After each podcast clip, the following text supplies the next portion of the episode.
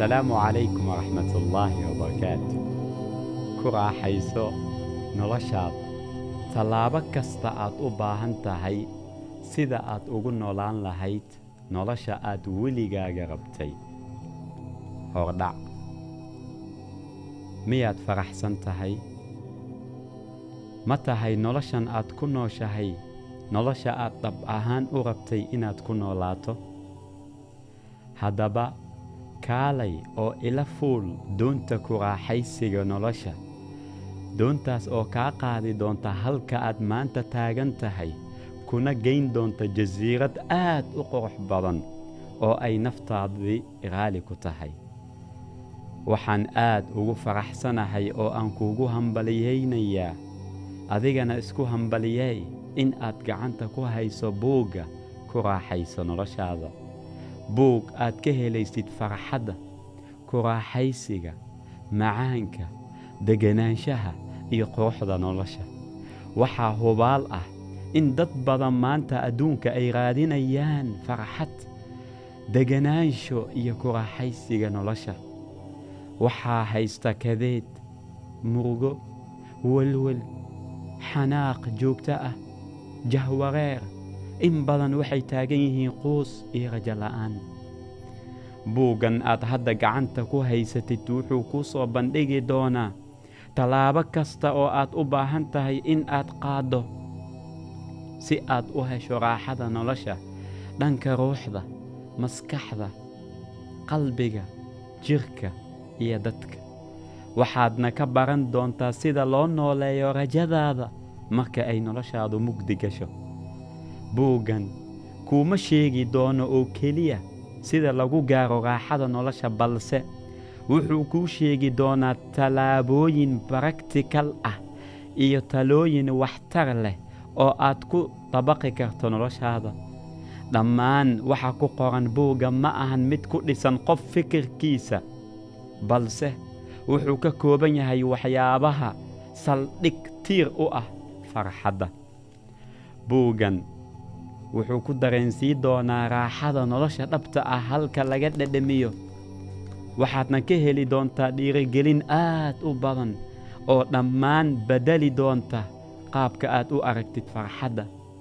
Wuxuuna ku tusi doonaa in aad tahay qofka ugu farxadda badan adduunka balse aanan is ogayn marka aad akhriso buuggan waxaad noqon doontaa qof aan la joojin karin ilaa uu ku noolaado maalin walba farxad sababta buuggan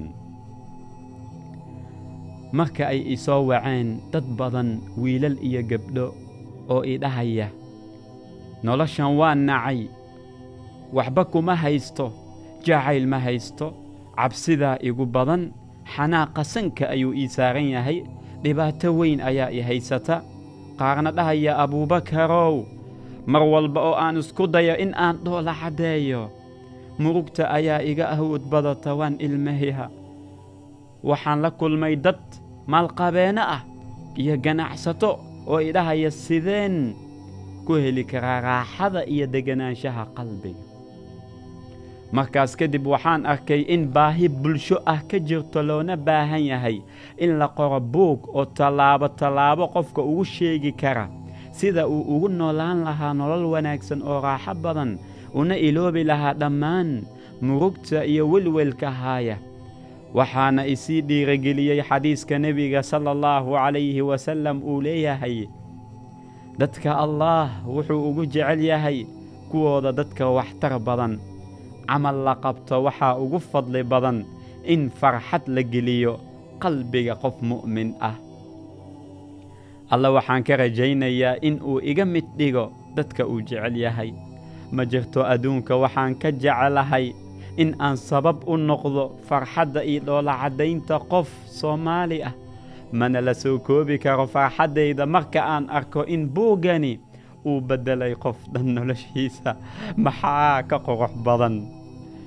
Waxaan alla subxaanahu wa tacaala ka rajaynayaa in uu buuggan ka dhigo. Buug suurtageliya in qof kasta uu ka helo aqoon ku filan si uu noloshiisa ugu raaxaysto. Buuggan wuxuu ka kooban yahay lix qaybood oo kale ah. Qaybta koowaad ha murugoon lagama yaabo in uu qofka noqdo mid ku raaxaysta noloshiisa haddii uu murug dareemayo. Sababtoo ah laba dareen hal mar ma kulmaan. Dareen farxad iyo dareen murug waxaan marka ugu horreeya. Ku bilaabi doonaa safarkeenna quruxda badan ku raaxaysiga nolosha. In aan daawo u helno murugada aan dareemayna waxaan qaybtan kuugu soo bandhigi doonaa. Sida aad maskaxdaada ugu masixi lahayd maalmo mugdi ah oo aad soo martay uguna diyaarin lahayd maalmo nuur badan. Muhiimadda ay leedahay in aad noolaatid hadda sida aad u qeexi fahmi lahayd dhibaatada ku haysata sida aad ku ogaan lahayd asal ahaan halka ay ka timid dhibaatada. Waxyaabaha aad ku xalin karto dhibaatada ducooyin iftiiminaya noloshaada alle in uu kuu abuuray farxad. Qaybta labaad raaxada ruuxda. Marka aan raadiyey waxa ay ku raaxaysato ruuxdu waxaan ogaaday qofka keliya oo ii sheegi kara jawaabtaas in uu yahay midka abuuray ruuxda iyo dadka oo dhan allah. Kadib waxaan ka baaray qur'aanka iyo sunnada waxaan ogaaday in ruuxda aysan raaxaysanaynin ilaa marka ay u dhowaato midka abuuray allaah waxaan soo qaadan doonnaa qaybtan. Macaanka uu leeyahay iimaanka iyo sida aan u heli lahayn macaankaas. Raaxada salaadda laga helo iyo sida aad ugu raaxaysan lahayd salaadda deganaanshaha qalbiga halka laga helo. Qaybta saddexaad raaxada maskaxda.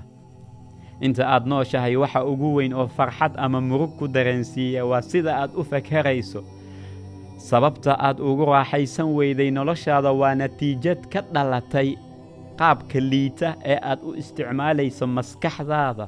Qaybtan wuxuu si dhab ah kaaga caawin doonaa sida loo ogaado waxa si dhab ahaan ku farxadgeliya sida aad u qaadan lahayd mas'uuliyadda nafsaddaada sida ugu fiican ee loo dejiyo hadafyadaada iyo sida degdega loogu gaaro hadaf kasta oo aad leedahay noloshaada sida aad ugu raaxaysan lahayd inta yar ee aad haysatid sida aad ku oggolaan lahayd noloshaada sida loo noqdo mid mar walba alle u mahad celiya sida wax walba dhinaca wanaagsan loogu fiiriyo in aadan isbarbar dhigin.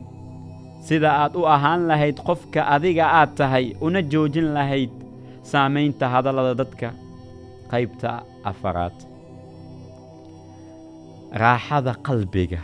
Waxa ugu weyn ee uu ku raaxaysto qalbigu waa in uu helo jacayl joogta ah. Jacaylka waa waxa ugu quruxda badan ee la haysto sooma aad arkin mar walba oo aad fiiriso qofka aad jeceshahay wejigaaga waxaa ka muuqda farxad iyo dhoola caddayn. Waxaan qaybtan kuugu soo bandhigi doonaa sida jacayl qurux badan loo dhiso sida jacaylkaas quruxda badan loogu noolaado sida loo doorto lamaanaha mustaqbalka. Qofka sida dhabta ah kuu jecel waxyaabaha lagu garto bangiga jacaylku waa maxay? Sida uu nebiga ula dhaqmi jiray xaasaskiisa. Qalbiga sida loo nadiifiyo. Qaybta shanaad raaxada jirka. Daryeelidda jirkaagu saamayn aad u weyn bay ku yeelataa ku raaxaysiga noloshaada. Nebiga sala allahu calayhi wasallam wuxuu inoo tilmaamay in qofka naftiisa ay xaq ku leedahay. Qaybtani waxay si dhab ah kaaga caawin doontaa sida aad u daryeeli lahayd caafimaadkaaga. Sida aad ku heli lahayd dhammaan maadooyinka jirka u baahan yahay. Sida aad u ilaalin lahayd nadaafadda jirkaaga. In aad maalin walba samaysid jimicsi fudud. In aad heshid hurdo kuugu filan iyo daawada hurdo la'aanta.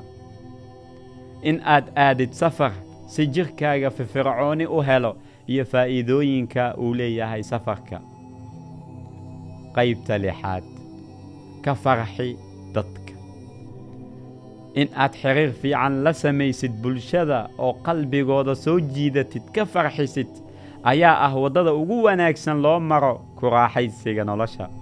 Qaybtan wuxuu si dhab ah kaaga caawin doonaa sida aad farxad ugu abuuri lahayd qalbiyada dadka kale sida aad u beddeli lahayd dabeecadaha aan wanaagsanayn sida hadalkaaga aad ugu dari lahayd malab si dadku aad ugu soo jiidatid.